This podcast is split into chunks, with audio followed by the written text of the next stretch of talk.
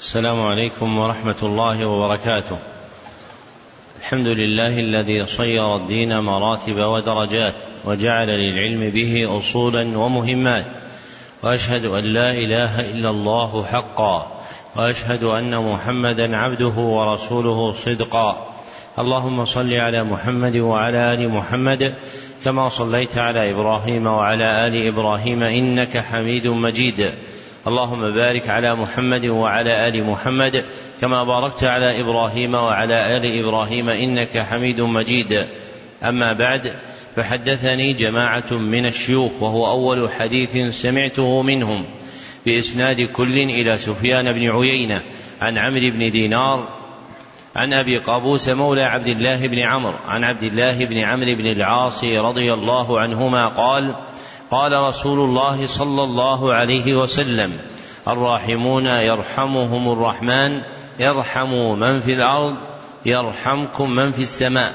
ومن آكد الرحمة رحمة المعلمين بالمتعلمين في تلقينهم أحكام الدين وترقيتهم في منازل اليقين.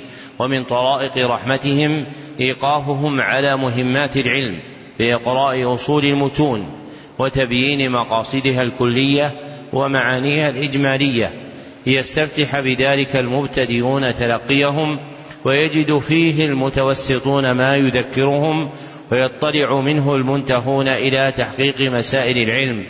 وهذا المجلس الثاني في شرح الكتاب الرابع من برنامج مهمات العلم في سنته الخامسة خمس وثلاثين بعد الأربعمائة والألف وهو كتاب اعتقاد اعتقاد أهل السنة والجماعة المعروف بالعقيدة الواسطية لشيخ الإسلام أبي العباس أحمد بن عبد الحليم ابن تيمية النميري رحمه الله المتوفى سنة ثمان وعشرين وسبعمائة وقد انتهى بنا البيان إلى ما ذكره رحمه الله تعالى من الأحاديث النبوية المتعلقة بالصفات الإلهية فإنه لما فرغ من ذكر آيات الصفات أتبعها بجملة من أحاديث الصفات التي قرأها القارئ قبل صلاة المغرب. وقد ذكر كما سبق ستة عشر حديثا من الأدلة الحديثية أوردها بعد القرآن لأن السنة وحي مثله. قال شيخ شيوخنا حافظ الحكمي فسنة الرسول وحي ثاني عليهما قد أطلق الوحيان. وسبق أن عرفت أن الأسماء والصفات الإلهية مردها إلى النقل الوارد في الكتاب والسنة النبوية. وبين المصنف رحمه الله الصلة بين القرآن والسنة بقوله والسنة تفسر القرآن وتبينه. وتدل عليه فعلائق الاتصال بين القرآن والسنة أربعة. فعلائق الاتصال بين القرآن والسنة أربعة. المرتبة الأولى تفسير السنة بالقرآن. تفسير السنة بالقرآن.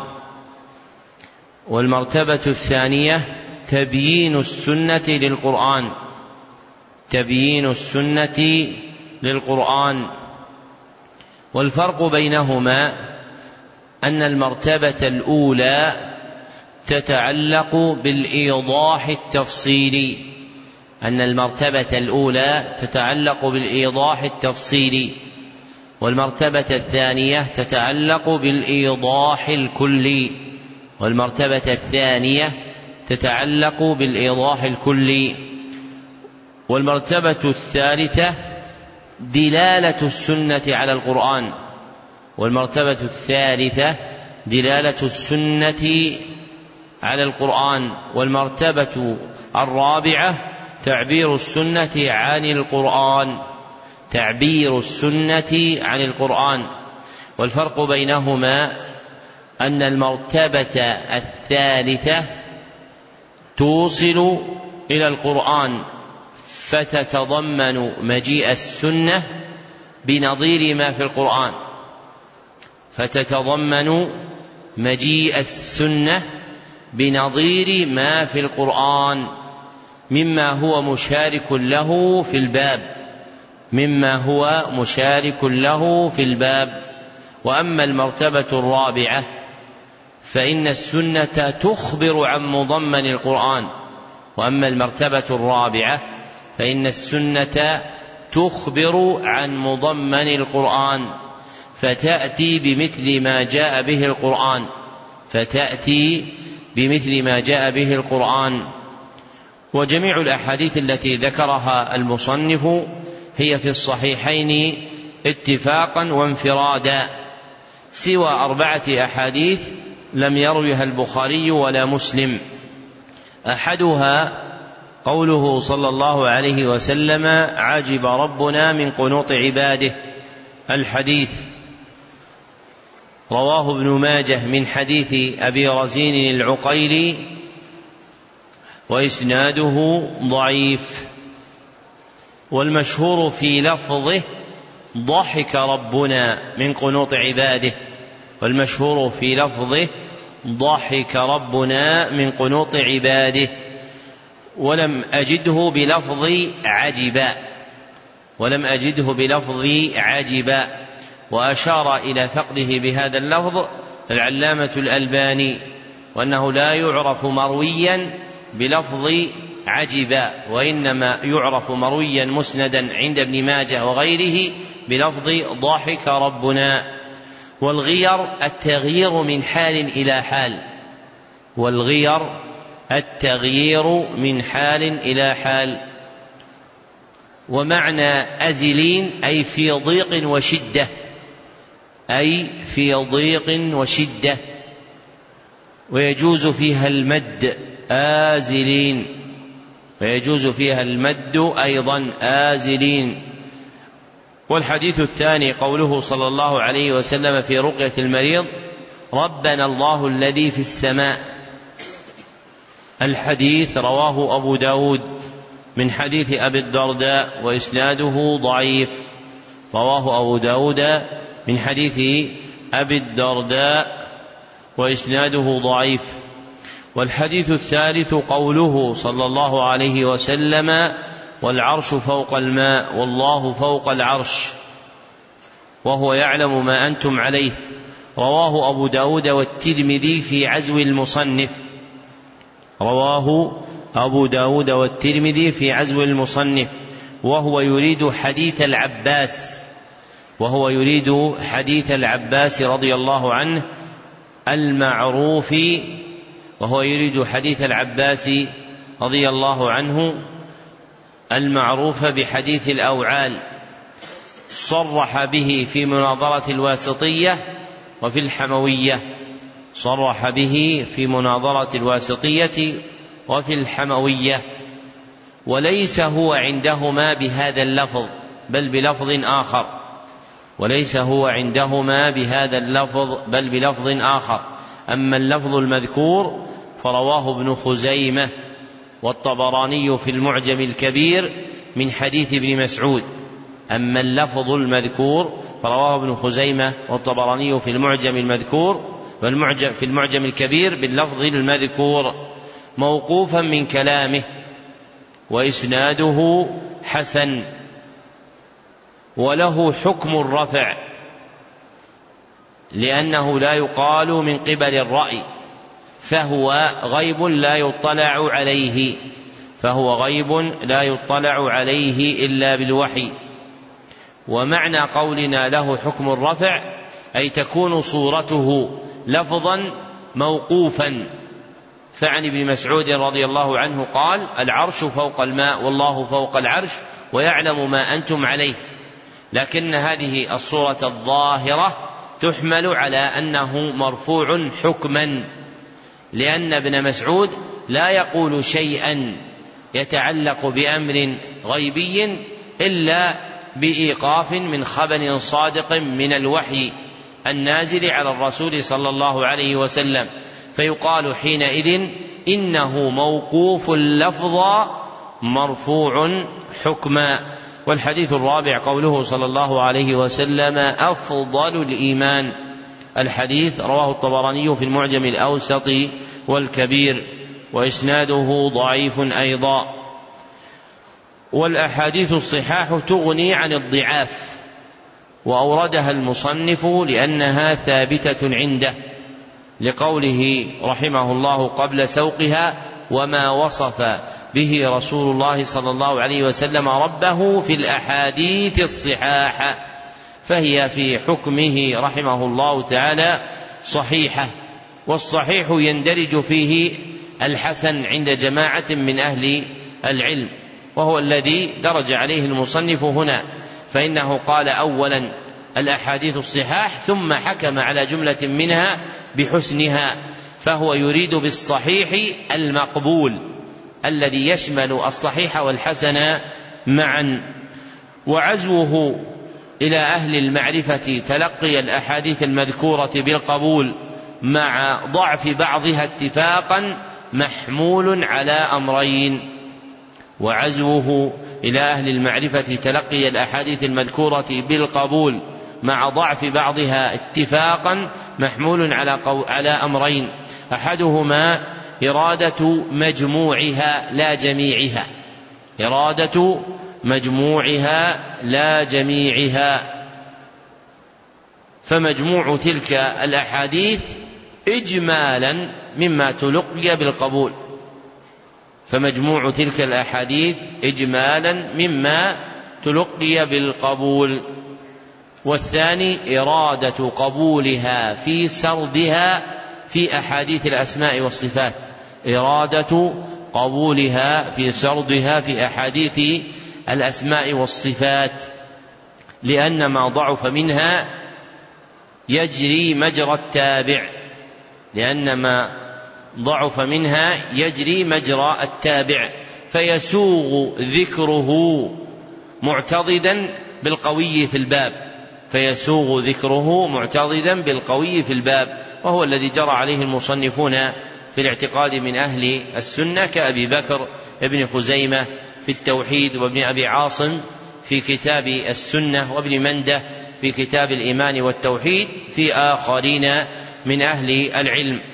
بقي التنبيه إلى أن لفظة ولا حاجب في حديث عدي رضي الله عنه ما منكم من أحد إلا سيكلمه إلى سيكلمه ربه ثابتة في النسخة المقروءة على المصنف ثابتة في النسخة المقروءة من العقيدة الواسطية على المصنف وهي موافقة رواية الكشميهني لصحيح البخاري وهي موافقة رواية الكشميهني لصحيح البخاري ففي رواية الكشميهني عند هذا الحديث في البخاري ولا حاجب كهذا اللفظ.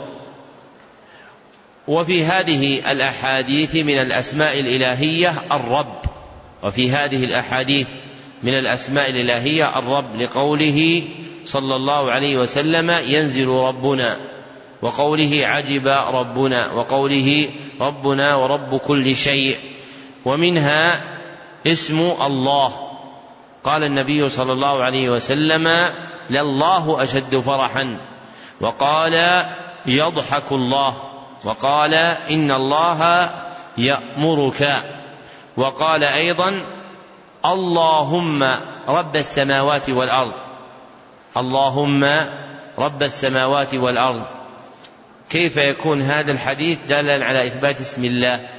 اللهم رب السماوات والأرض. من ذكر هذا؟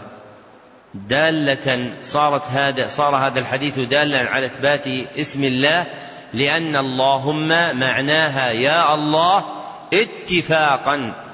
ذكره ابن القيم في جلاء الأفهام فقول القائل اللهم معناه يا الله ففيه إثبات اسم الله لربنا ومنها رب العزة. قال النبي صلى الله عليه وسلم حتى يضع رب العزة أي صاحب العزة وهي صفة الله عز وجل. ومنها رب الطيبين. قال النبي صلى الله عليه وسلم أنت رب الطيبين. وهو مروي في حديث ضعيف ولا يحفظ هذا الاسم في دليل ثابت ومنها رب السماوات السبع ومنها رب العرش العظيم ومنها رب كل شيء ومنها فالق الحب والنوى ومنها منزل الفرقان ومنها منزل التوراة.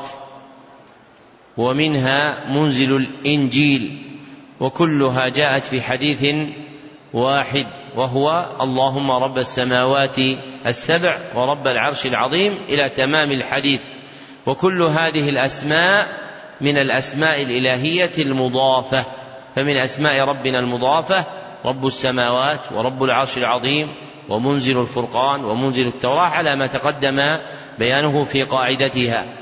ومنها الأول والآخر والظاهر والباطن وكلها وقعت في حديث واحد أنت الأول فليس قبلك شيء إلى تمامه وفيه تفسير هذه الأسماء. ومنها السميع والقريب. قال صلى الله عليه وسلم فإنكم لا تدعون أصم ولا غائبا إنما تدعون سميعا قريبا. ومعنى قوله في هذا الحديث اربعوا على أنفسكم أي ارفقوا بها ولا تجهدوها أي ارفقوا بها ولا تجهدوها وهو بهمزة وصل مكسورة ثم راء مهملة ساكنة فباء موحدة مفتوحة. اربعوا على أنفسكم.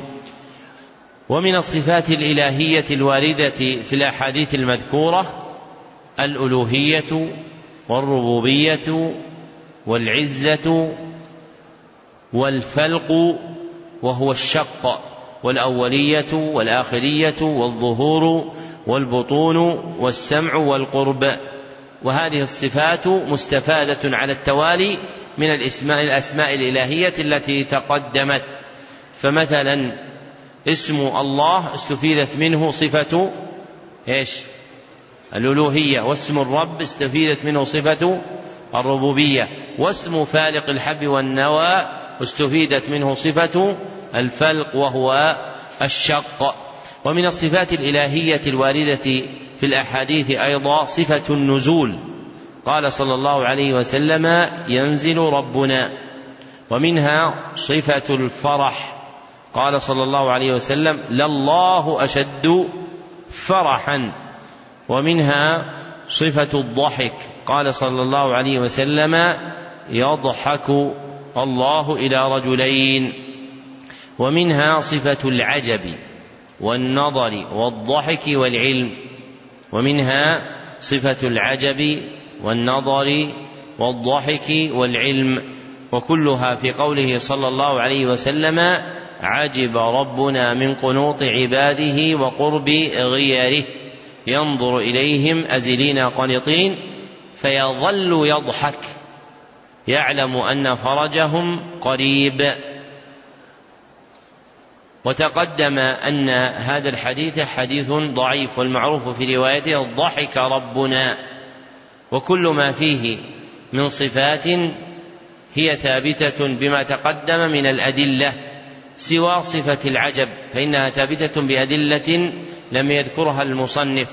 منها قوله تعالى بل عجبت ويسخرون على قراءة الضم. بل عجبت ويسخرون على قراءة الضم. وهي قراءة حمزة والكساء وخلف العاشر. ومنه في الصحيح قوله صلى الله عليه وسلم قد عجب ربكما من صنيعكما بضيفكما الليلة. واللفظ لمسلم.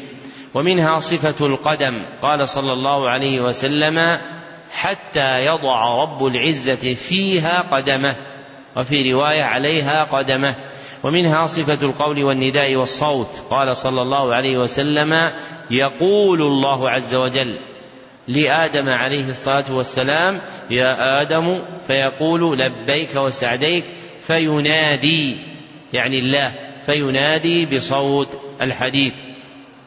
ومنها صفة الكلام. قال صلى الله عليه وسلم ما منكم إلا سيكلمه ربه. ومنها صفة العلو. قال صلى الله عليه وسلم ربنا الله الذي في السماء. وقال أيضا وأنا أمين من في السماء. وفي حديث الجارية أين الله؟ فقالت في السماء ومنها صفة المعية. قال صلى الله عليه وسلم أفضل الإيمان أن تعلم أن الله معك. الحديث. وقال صلى الله عليه وسلم إذا قام أحدكم في الصلاة فإن الله قبل وجهه. ومنها صفة التجلي. قال صلى الله عليه وسلم إنكم سترون ربكم.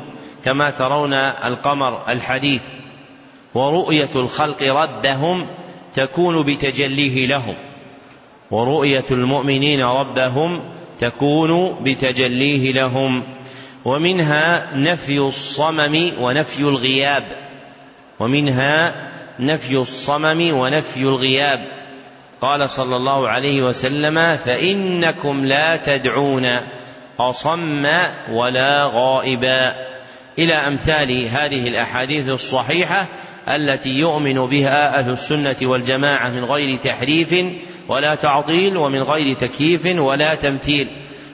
وهم بهذا وسط بين فرق الأمة كما أن هذه الأمة وسط بين الأمم قاطبة. نعم. أحسن الله إليكم. قال رحمه الله تعالى فهم وسط في باب صفات الله سبحانه وتعالى بين أهل التعطيل الجهمية وبين أهل التمثيل المشبهة. وهم وسط في باب أفعال الله تعالى بين القدرية والجبرية وفي باب وعيد الله بين المرجئة وبين الوعيدية من القدرية وغيرهم.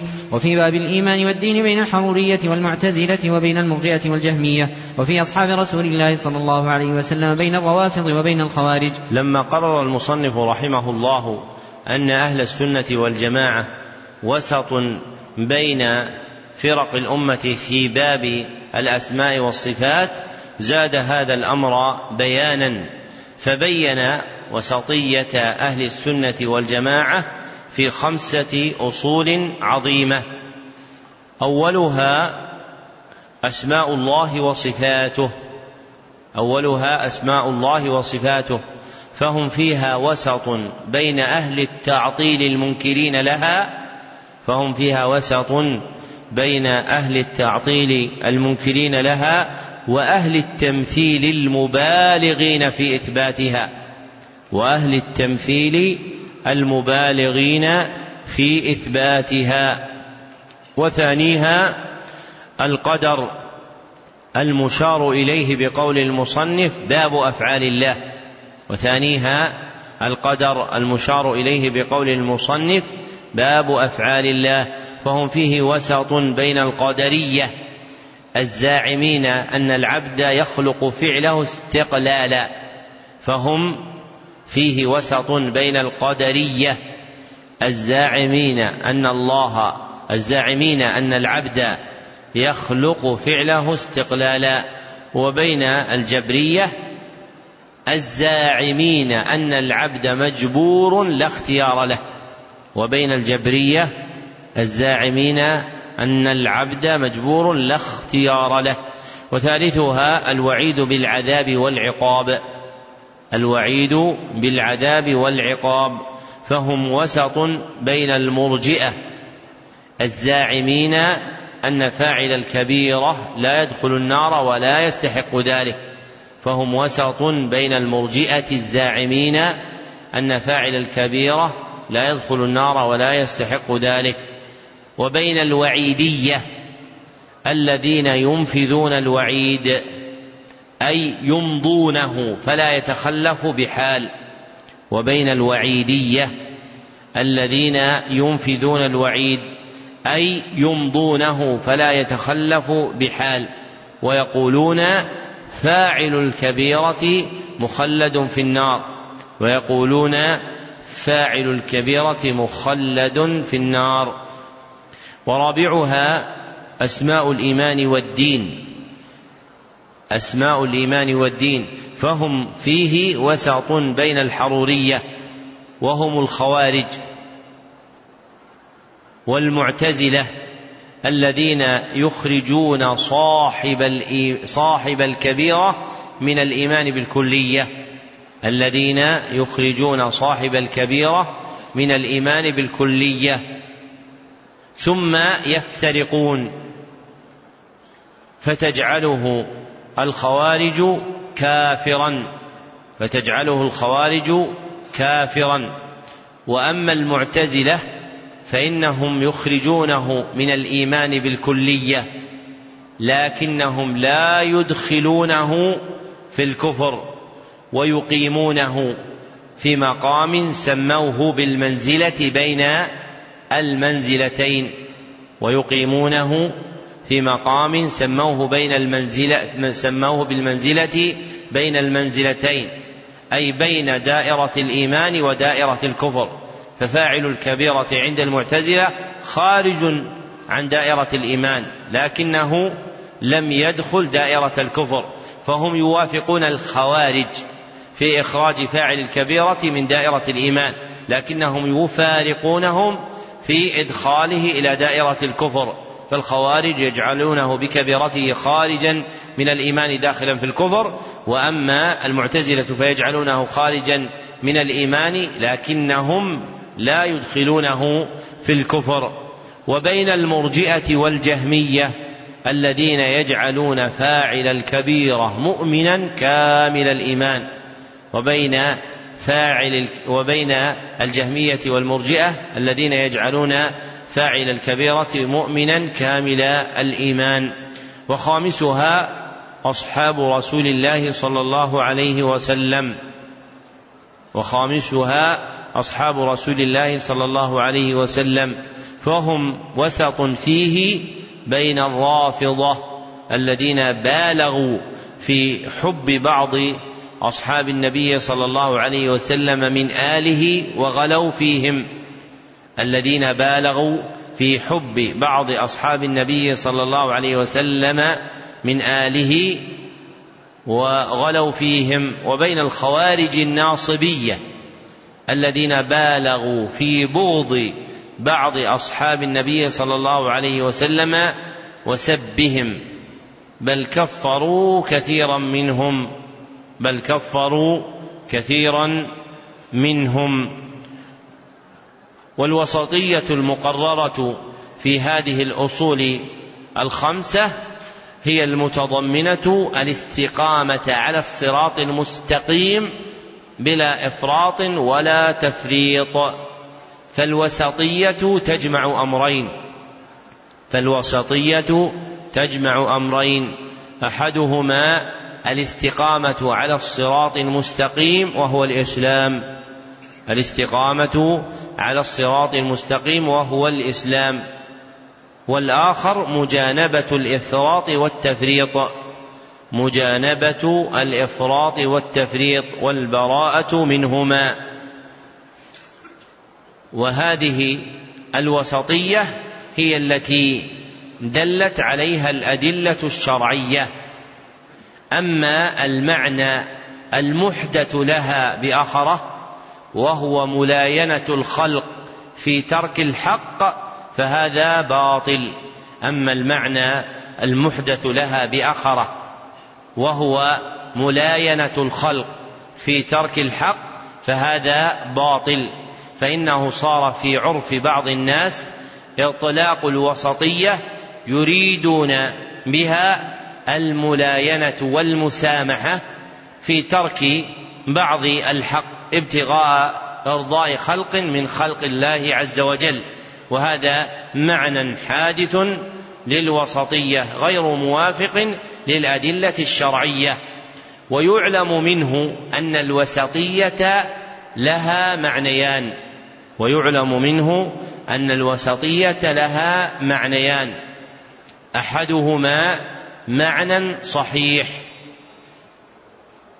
وهو الاستقامة على الصراط المستقيم بلا إفراط ولا تفريط.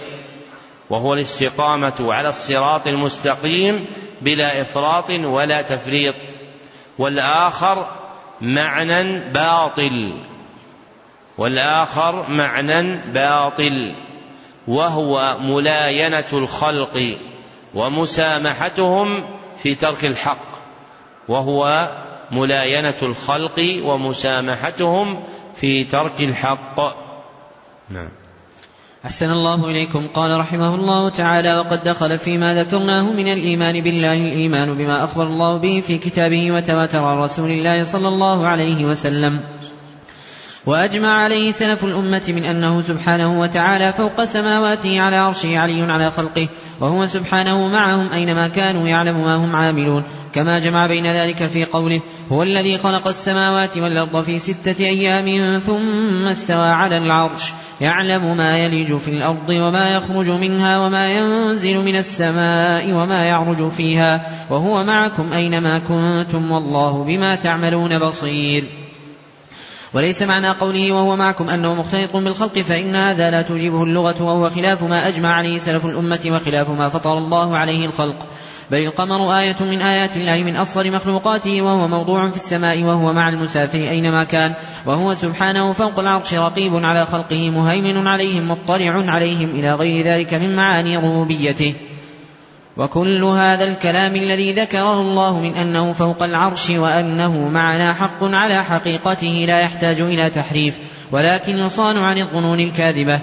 ودخل في ذلك الإيمان بأنه قريب من خلقه كما قال سبحانه وتعالى وإذا سألك عبادي عني فإني قريب أجيب دعوة الداع إذا دعان فليستجيبوا لي وليؤمنوا بي لعلهم يرشدون.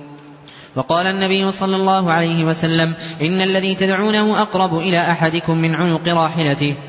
وما ذكر في الكتاب والسنة من قربه ومعيته لا ينافي ما ذكر من علوه وفوقيته فإنه سبحانه ليس كمثله شيء في جميع نعوته وهو علي في دنوه قريب في علوه. من الإيمان بالله الإيمان بعلوه ومعيته فهو سبحانه فوق عرشه. علي على خلقه وهو معهم أينما كانوا. والعلو والمعية من جملة الصفات الإلهية. وأفردهما المصنف بالذكر عن نظائرهما لما احتف بهما من مناقضات الأهواء الباطلة ومعارضات البدع العاطلة من الجهمية الذين نفوا علو الله سبحانه وتعالى واستواءه على عرشه ومن أهل الحلول والاتحاد الزاعمين أن الله ممتزج بخلقه غير بائن منهم تعالى الله عما يقول المبطلون علوا كبيرا. ولا يراد بالمعية أن الله مختلط بالخلق. ولا يراد بالمعية أن الله مختلط بالخلق. فهذا شيء لا توجبه اللغة التي خطبنا بها وهو خلاف ما أجمع عليه سلف الأمة وما فطر الله عز وجل عليه الخلق كافة. وكون الله عز وجل على العرش وأنه معنا حق على حقيقته لا يحتاج إلى تحريف كما ذكر المصنف ولكن يصان عن الظنون الكاذبة أي عن التخرصات والأوهام والقول على الله عز وجل بغير علم في بيان تلك الحقيقة. ووقع في بعض نسخ الواسطية المتأخرة ذكر شيء من هذه الظنون الفاسدة كأن يظن أن السماء تظله أو تقله.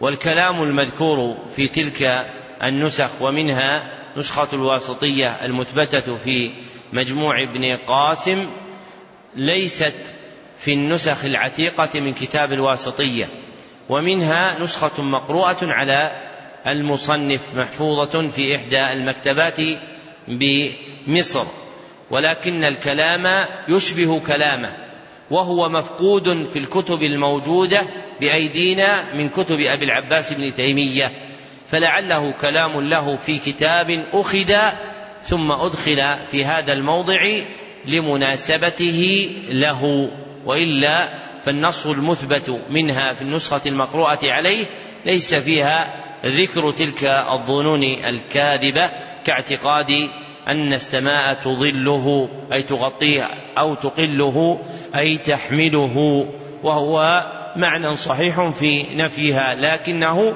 ليس من كلامه في الواسطية.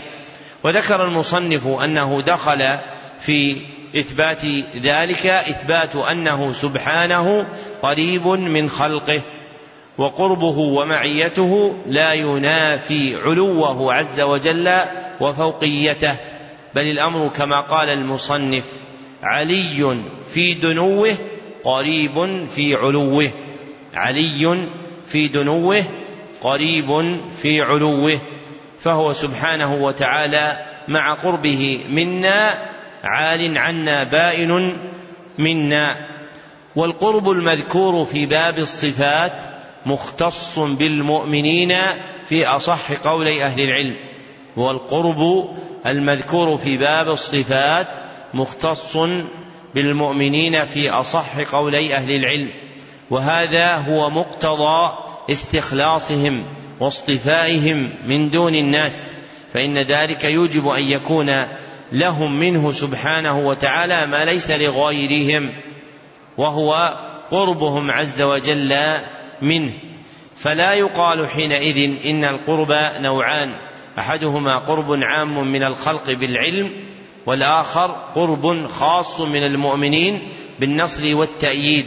لمناقضة هذا ما جاء من الأدلة باختصاص قرب الله سبحانه وتعالى من المؤمنين فقط. وأما الآيات التي يتوهم منها إثبات القرب العام فالمراد بها قرب الملائكة. بهذا فسرها السلف كقوله تعالى ونحن أقرب إليه من حبل الوريد يعني ملائكة الله عز وجل أقرب إليه من حبل الوريد فالقرب مختص بالمؤمنين نصرا وعزرا وتأييدا. نعم. أحسن الله إليكم. قال رحمه الله تعالى ومن الإيمان به وبكتبه الإيمان بأن القرآن كلام الله سبحانه وتعالى منزل غير مخلوق. منه بدا واليه يعود وأن الله تكلم به حقيقة. وأن هذا القرآن الذي أنزله على نبيه محمد صلى الله عليه وسلم هو كلام الله حقيقة لا كلام غيره. ولا يجوز إطلاق القول بأنه حكاية عن كلام الله أو عبارة عنه. بل إذا قرأه الناس وكتبوه في المصاحف لم يخرج بذلك عن أن يكون كلام الله سبحانه وتعالى حقيقة. فإن الكلام إنما يضاف حقيقة إلى من تكلم به مبتدئا لا إلى من قاله مبلغا مؤديا. من الإيمان بالله وبكتبه به الإيمان بأن القرآن كلام الله منزل غير مخلوق منه بدأ أي تكلم به وأضيف إليه أي تكلم به وأضيف إليه وإليه يعود. اي يرفع في آخر الزمان من المصاحف والصدور. أن يرفع في آخر الزمان من المصاحف والصدور. ثبتت بذلك الأحاديث وانعقد عليه الإجماع. وهو كلام الله حقيقة لا كلام غيره. فلا يقال إنه حكاية عن كلام الله عز وجل ولا عبارة عنه. لأن هاتين المقالتين وهما أن القرآن حكاية عن كلام الله أو عبارة عنه يراد منهما إثبات المعنى لله ونفي كون المبنى منه. يراد منهما إثبات أن المعنى من الله ونفي كون المبنى منه. وأنه إنما وقع عبارة أو حكاية عن كلام الله عز وجل. وهاتان المقالتان مذهبان مرذولان. أحدهما للكلابية فإنهم قالوا القرآن حكاية عن كلام الله عز وجل والآخر للأشعرية فإنهم قالوا القرآن عبارة عن كلام الله عز وجل. لأن الطائفتين اجتمعتا على أن كلام الله معنى قائم بنفسه لأن الطائفتين اجتمعتا على أن كلام الله معنى قائم بنفسه. وأن القرآن وغيره من كتب الله عز وجل إنما هو حكاية عن كلام الله عند الكلابية أو عبارة عنه عند الأشاعرة. وامتنع الأشاعرة عن لفظ الحكاية وعدلوا إلى العبارة زعما بأن الحكاية تقتضي المماثلة وكلام الله لا يماثله كلام غيره فاختاروا لفظ العبارة عوضا عن لفظ الحكاية. والجامع للطائفتين أنهما يقولان إن الله عز وجل لا يتكلم بحرف وصوت فهما يقولان إن معاني القرآن من الله فقط دون مبانيه. أما أهل السنة والحديث فإنهم يقولون إن القرآن مبناه ومعناه من الله عز وجل فالله عز وجل تكلم به بحروفه. نعم. أحسن الله إليكم. قال رحمه الله تعالى وقد دخل أيضا فيما ذكرناه من الإيمان به وبكتبه ورسله. الإيمان بأن المؤمنين يرونه يوم القيامة عيانا بأبصارهم كما يرون الشمس صحوا ليس دونها سحاب وكما يرون القمر ليلة البدر لا يضامون في رؤيته. يرونه سبحانه وهم في عرصات القيامة ثم يرونه بعد دخول الجنة كما يشاء الله سبحانه وتعالى. من الإيمان بالله وبكتبه الإيمان بأن المؤمنين يرون ربهم يوم القيامة عيانا بأبصارهم بلا خفاء. وقد ثبت هذا اللفظ عيانا عند البخاري في صحيحه في حديث جرير بن عبد الله البجلي. إنكم سترون ربكم عيانا. رواه من حديث أبي شهاب الحناط عن إسماعيل بن أبي خالد عن قيس بن أبي حازم عن جرير رضي الله عنه. فيرون الله سبحانه وتعالى في عرصات القيامة أي متسعاتها ثم يرونه سبحانه وتعالى في الجنة. والفرق بين الرؤيتين من وجهين. والفرق بين الرؤيتين من وجهين. أحدهما أن الرؤية التي تكون في عرصات يوم القيامة هي رؤية امتحان وتعريف. أن الرؤية التي تكون في عرصات يوم القيامة هي رؤية امتحان وتعريف. أما الرؤية التي تكون في الجنة فهي رؤية إنعام وتشريف.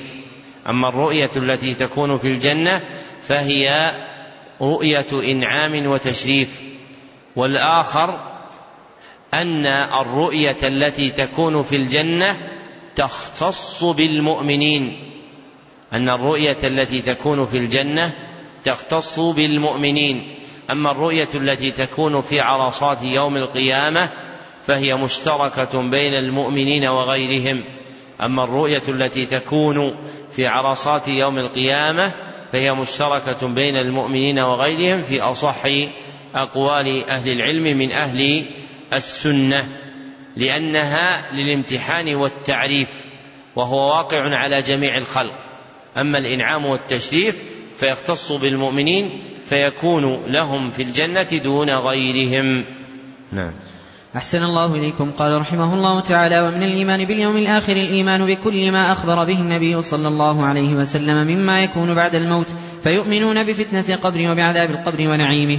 فأما الفتنة فإن الناس يفتنون في قبورهم فيقال للرجل من ربك وما دينك ومن نبيك فيثبت الله الذين آمنوا بالقول الثابت فيقول المؤمن الله ربي والإسلام ديني ومحمد صلى الله عليه وسلم نبيي. وأما المغتاب فيقول آه آه لا أدري سمعت الناس يقولون شيئا فقلته فيضرب بمرزبة من حديد فيصيح صيحة يسمعها كل شيء إلا الإنسان ولو سمعها الإنسان لصعق. ثم بعد هذه الفتنة إما نعيم وإما عذاب إلى يوم القيامة الكبرى فتعاد الأرواح إلى الأجساد. وتقوم القيامة التي أخبر الله بها في كتابه وعلى لسان رسوله صلى الله عليه وسلم وأجمع عليها المسلمون فيقوم الناس من قبورهم لرب العالمين حفاة عراة غرلا وتدنو منهم الشمس ويلجمهم العرق. وتنصب الموازين فتوزن فيها أعمال العباد فمن ثقلت موازينه فأولئك هم المفلحون ومن خفت موازينه فأولئك الذين خسروا أنفسهم في جهنم خالدون. وتنشر الدواوين وهي صحائف الأعمال فآخذ كتابه بيمينه وآخذ كتابه بشماله أو من وراء ظهره. كما قال تعالى وكل إنسان ألزمناه طائره في عنقه ونخرج له يوم القيامة كتابا يلقاه منشورا. اقرأ كتابك كفى بنفسك اليوم عليك حسيبا. ويحاسب الله الخلائق ويخلو بعبده المؤمن فيقرره بذنوبه كما وصف ذلك في الكتاب والسنة. وأما الكفار فلا يحاسبون محاسبة من توزن حسناته وسيئاته فإنه لا حسنات لهم ولكن تعدد أعمالهم وتحصى فيوقفون عليها ويقررون بها ويجزون بها. وفي عرصة القيامة الحوض المورود لمحمد صلى الله عليه وسلم ماؤه أشد بياضا من اللبن وأحلى من العسل طوله شهر وعرضه شهر. آنيته عدد نجوم السماء فمن شرب منه شربة لم يظمأ بعدها أبدا. والصراط منصوب على متن جهنم وهو الجسر الذي بين الجنة والنار. يمر الناس عليه على قدر أعمالهم فمنهم من يمر عليه كلمح البصر ومنهم من يمر كالبرق ومنهم من يمر كالريح ومنهم من يمر كالفرس الجواد ومنهم من يمر كركاب الإبل ومنهم من يعدو عدوا ومنهم من يمشي مشيا ومنهم من يزحف زحفا ومنهم من يخطف فيلقى في جهنم. فإن الجسر عليه كلاليب تخطف الناس بأعمالهم. فمن مر على الصراط دخل الجنة. فإذا عبروا عليه وقفوا على قنطرة بين الجنة والنار فيقتص لبعضهم من بعض فإذا هذبوا ونقوا أذن لهم في دخول الجنة. وأول من يستفتح باب الجنة محمد صلى الله عليه وسلم. وأول من يدخل الجنة من الأمم أمته صلى الله عليه وسلم. وله في القيامة ثلاث شفاعات. أما الشفاعة الأولى فيشفع لأهل الموقف حتى يقضى بينهم بعد أن يتراجع الأنبياء. آدم ونوح وإبراهيم وموسى وعيسى بن مريم عليهم من الله السلام الشفاعة حتى تنتهي إليه. وأما الشفاعة الثانية فيشفع في أهل الجنة أن يدخلوا الجنة وهاتان الشفاعتان خاصتان له. وأما الشفاعة الثالثة فيشفع في من استحق النار وهذه الشفاعة له ولسائر النبيين والصديقين وغيرهم فيشفع في من استحق النار أن لا يدخلها ويشفع في من دخلها أن يخرج منها. ويخرج الله الله تعالى من النار أقواما بغير شفاعة بل بفضل رحمته. ويبقى في الجنة فضل عمن دخلها من أهل الدنيا فينشئ الله لها أقواما فيدخلهم الجنة. وأصناف ما تضمنت الدار الآخرة من الحساب والثواب والعقاب والجنة والنار وتفاصيل ذلك مذكورة في الكتب المنزلة من السماء. والأثارة من العلم المأثور عن الأنبياء وفي العلم الموروث عن محمد صلى الله عليه وسلم من ذلك ما يشفي ويكفي. فمن ابتغاه وجده. شرع المصنف رحمه الله تعالى يبين الركن الخامس من أركان الإيمان وهو الإيمان باليوم الآخر والإيمان باليوم الآخر على ما ذكره المصنف هو كل ما أخبر به النبي صلى الله عليه وسلم مما يكون بعد الموت. اسم لكل ما أخبر به النبي صلى الله عليه وسلم مما يكون بعد الموت فهو اسم لما يكون بعد الموت وهذا من أحسن ما قيل في حده. ووصفه العلامة ابن سعدي في التنبيهات اللطيفة بأنه ضابط جامع. وخبر النبي صلى الله عليه وسلم المذكور في كلام المصنف له معنيان وخبر النبي صلى الله عليه وسلم المذكور في كلام المصنف له معنيان. أحدهما خاص وهو ما جاء في السنة عنه صلى الله عليه وسلم.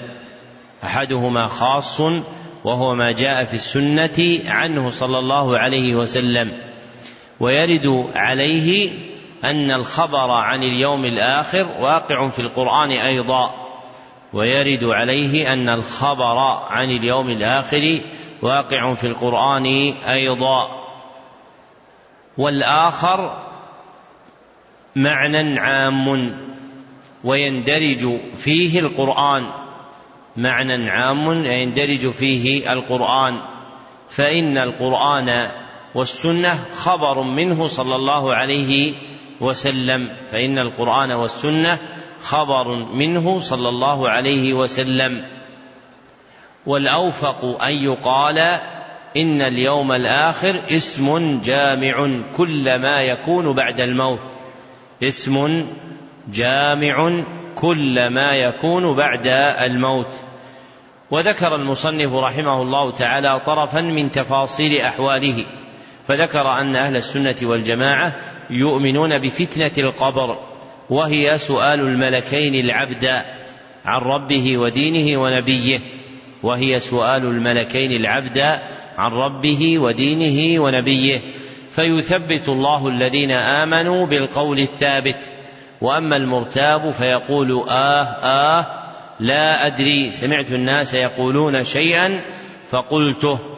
والمشهور في لفظ الحديث ها ها. وأما اللفظ المذكور فقد وقع في مسند الرويان وأما اللفظ المذكور آه آه فقد وقع في مسند الرويان وهو المثبت في النسخة المقروءة على المصنف وهو المثبت في النسخة المقروءة على المصنف. ويؤمن أهل السنة والجماعة بنعيم القبر وعذابه وهو ما يجري على العبد من نعيم أو عذاب في قبره. وهو ما يجري على العبد من نعيم أو عذاب في قبره. ويؤمنون بيوم القيامة إذا أعيدت الأرواح إلى الأجساد وقام الناس لرب العالمين حفاة عراة غرلا أي غير مختونين أي غير مختونين. وحينئذ ينصب الميزان وهو واحد في أصح الأقوال. وحينئذ ينصب الميزان وهو واحد في أصح الأقوال ولكنه جمع باعتبار ما يوزن فيه ولكنه جمع باعتبار ما يوزن فيه. فلما تعدد الموزون ذكرت الموازين بالجمع تعظيما فلما تعدد الموزون ذكرت الموازين بالجمع تعظيما. وتوزن فيه الأعمال والصحائف وصحائف العمل والعمال وتوزن فيه الأعمال وصحائف العمل والعمال. فالوزن في أصح أقوال أهل العلم واقع على ثلاثة. فالوزن في أصح أقوال أهل العلم واقع على ثلاثة العبد العامل وعمله وصحيفة عمله. العبد العامل وعمله وصحيفة عمله. وفي ذلك قلت الوزن في أصح قول للعمل. الوزن في أصح قول للعمل. وعامل مع صحفه نلت الأمل.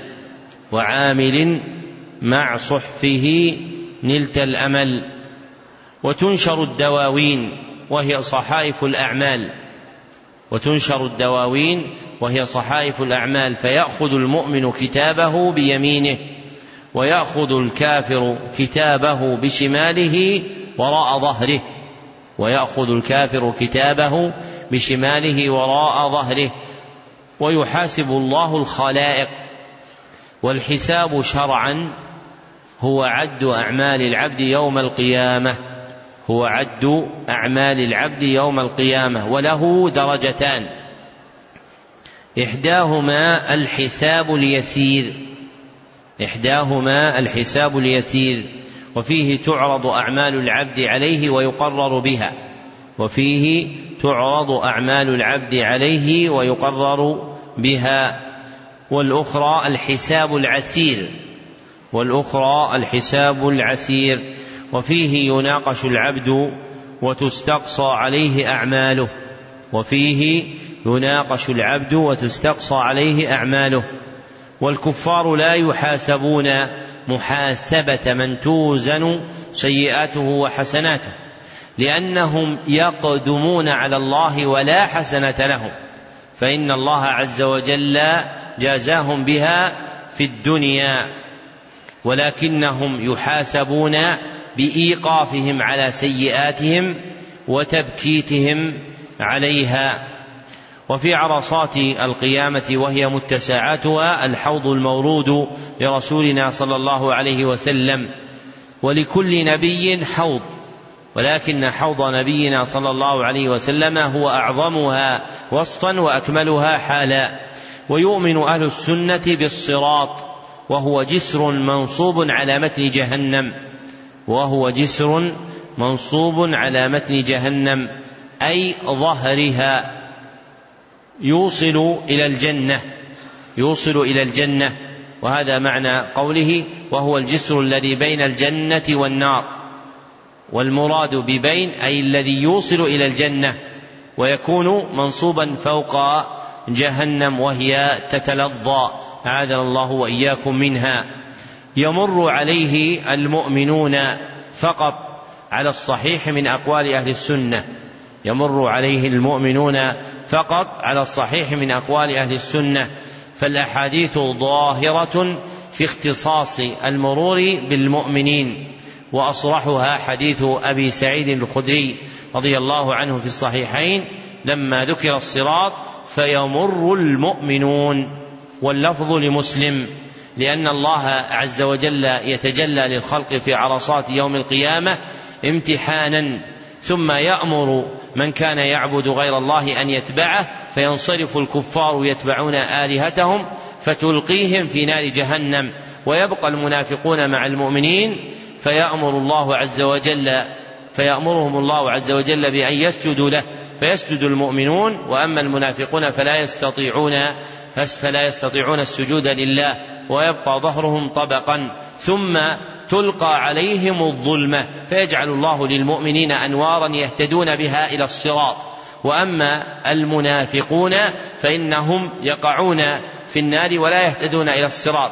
ومن هدي من المؤمنين إلى الصراط ركبه فمنهم من يقطعه ومنهم من تخطفه كلاليب جهنم فيلقى فيها ثم يخرج منها. ويمر المؤمنون على الصراط على قدر أعمالهم. فمنهم من يمر كلمح البصر ومنهم من يمر كالبرق ومنهم من يمر كالريح ومنهم من يمر كالفرس الجواد ومنهم من يمر كركاب الإبل. وركاب الإبل الإبل الرواحل التي تتخذ للركوب. الإبل الرواحل التي تتخذ للركوب. فمن مر على الصراط دخل الجنة. ومن أخذته كلاليب جهنم من عصاة المؤمنين عذب في النار ثم أخرج منها. والكلاليب جمع كلاب وكلوب. جمع كلاب وكلوب. وهو حديدة معقوفة في طرفها الأسفل. فيكون طرفها الأسفل معكوفا إما من جهة واحدة أو من جهتين أو ثلاث. وهو المسمى بالشنكار أو بغيره في عرف الناس في هذا البلد وغيره. ثم يوقف الذين عبروا الصراط على قنطرة بين الجنة والنار ويقتص لبعضهم من بعض فإذا هذبوا ونقوا أذن لهم بدخول الجنة. وأول من يستفتح باب الجنة هو محمد صلى الله عليه وسلم وهو أول شافع وأول مشفع. والشفاعة التي يذكرها المتكلمون في باب الاعتقاد يريدون بها الشفاعة عند الله وتعريفها شرعا سؤال الشافع الله حصول نفع للمشفوع له. سؤال الشافع الله حصول نفع للمشفوع له. والنفع يتضمن جلب خير له أو دفع ضر عنه. والنفع يتضمن جلب خير له أو دفع ضر عنه. ثم ذكر المصنف رحمه الله أن للنبي صلى الله عليه وسلم في القيامة ثلاث شفاعات. الشفاعة الأولى شفاعته صلى الله عليه وسلم في أهل الموقف أن يقضى بينهم وهي الشفاعة العظمى. والثانية شفاعته صلى الله عليه وسلم لأهل الجنة أن يدخلوها. وهاتان الشفاعتان خاصتان به صلى الله عليه وسلم. والشفاعة الثالثة شفاعته صلى الله عليه وسلم في من استحق النار. وهذه الشفاعة لا تختص به وحده بل هي له ولسائر النبيين والصديقين والشهداء والصالحين. وهي تتناول كما ذكر المصنف من استحق النار ألا يدخلها ومن دخلها أن يخرج منها. فالمشمولون بهذه الشفاعة طائفتان. فالمشمولون بهذه الشفاعة طائفتان. الطائفة الأولى من دخل النار أن يخرج منها. من دخل النار أن يخرج منها. والطائفة الثانية من من استحق النار الا يدخلها. من استحق النار الا يدخلها. والصحيح أن هذه الشفاعة مختصة بمن دخل النار أن يخرج منها. والصحيح أن هذا أن هذه الشفاعة مختصة بمن دخل النار أن يخرج منها. وأما الشفاعة في من استحق النار ألا يدخلها فالتحقيق عدم ثبوتها لخلو القول بها من دليل صريح. اختاره العلامة ابن القيم خلافا لشيخه. اختاره العلامة ابن القيم خلافا لشيخه فيقال فيها الشفاعة في من دخل النار أن يخرج منها. ويقوي هذا أن الشفاعة لا تكون ولا يؤذن بها إلا بعد المرور على الصراط. ويقوي هذا أن الشفاعة لا يؤمر بها ولا يؤذن بها إلا بعد المرور على الصراط لا قبله.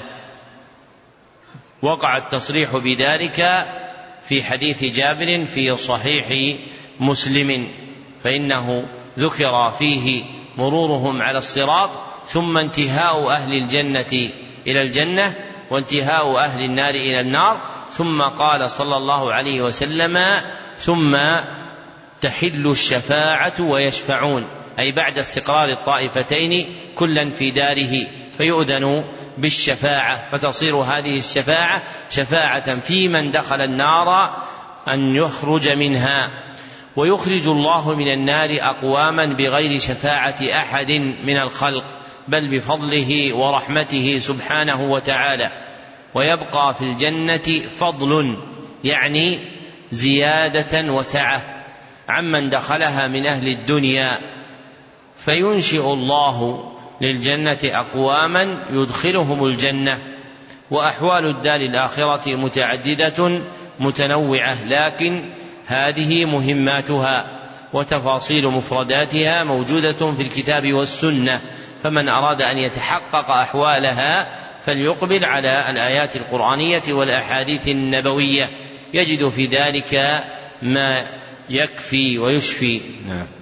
أحسن الله إليكم. قال رحمه الله تعالى وتؤمن الفرقة الناجية أهل السنة والجماعة بالقدر خيره وشره والإيمان بالقدر على درجتين كل درجة تتضمن شيئين. فالدرجة الأولى الإيمان بأن الله تعالى علم ما الخلق عاملون بعلمه القديم الذي هو موصوف به أزلا وأبدا وعلم جميع أحوالهم من الطاعات والمعاصي والأرزاق والآجال. ثم كتب الله تعالى في اللوح المحفوظ مقادير الخلائق. فأول ما خلق الله القلم قال له اكتب فقال ما أكتب؟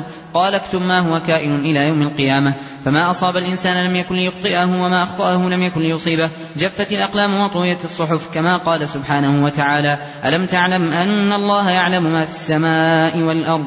إن ذلك في كتاب إن ذلك على الله يسير. وقال تعالى ما أصاب من مصيبة في الأرض ولا في أنفسكم إلا في كتاب من قبل أن نبرأها. إن ذلك على الله يسير. وهذا التقدير التابع لعلمه سبحانه وتعالى يكون في مواضع جملة وتفصيلا. فقد كتب في اللوح المحفوظ ما شاء. فإذا خلق جسد الجنين قبل نفخ الروح فيه بعث إليه ملكا فيؤمر بأربع كلمات بكتب رزقه وأجله وعمله وشقي أو سعيد ونحو ذلك. فهذا القدر قد كان ينكره غلاة القدرية قديما ومنكره اليوم قليل. وأما الدرجة الثانية فهي مشيئة الله النافذة وقدرته الشاملة. وهو الإيمان بأن ما شاء الله كان وما لم يشأ لم يكن. وأنه ما في السماوات ولا في الأرض من حركة ولا سكون إلا بمشيئة الله سبحانه وتعالى. لا يكون في ملكه ما لا يريد وأنه سبحانه وتعالى. على كل شيء قدير من الموجودات والمعدومات فما من مخلوق في السماوات ولا في الأرض إلا الله خالقه سبحانه لا خالق غيره ولا رب سواه. ومع ذلك فقد أمر العباد بطاعته وطاعة رسله ونهاهم عن معصيته. وهو سبحانه يحب المتقين والمحسنين والمقسطين ويرضى عن الذين آمنوا وعملوا الصالحات ولا يحب الكافرين ولا يرضى عن القوم الفاسقين. ولا يأمر بالفحشاء ولا يرضى لعباده الكفر ولا يحب الفساد. والعباد فاعلون حقيقة والله خالق أفعالهم والعبد هو المؤمن والكافر والبر والفاجر والمصلي والصائم.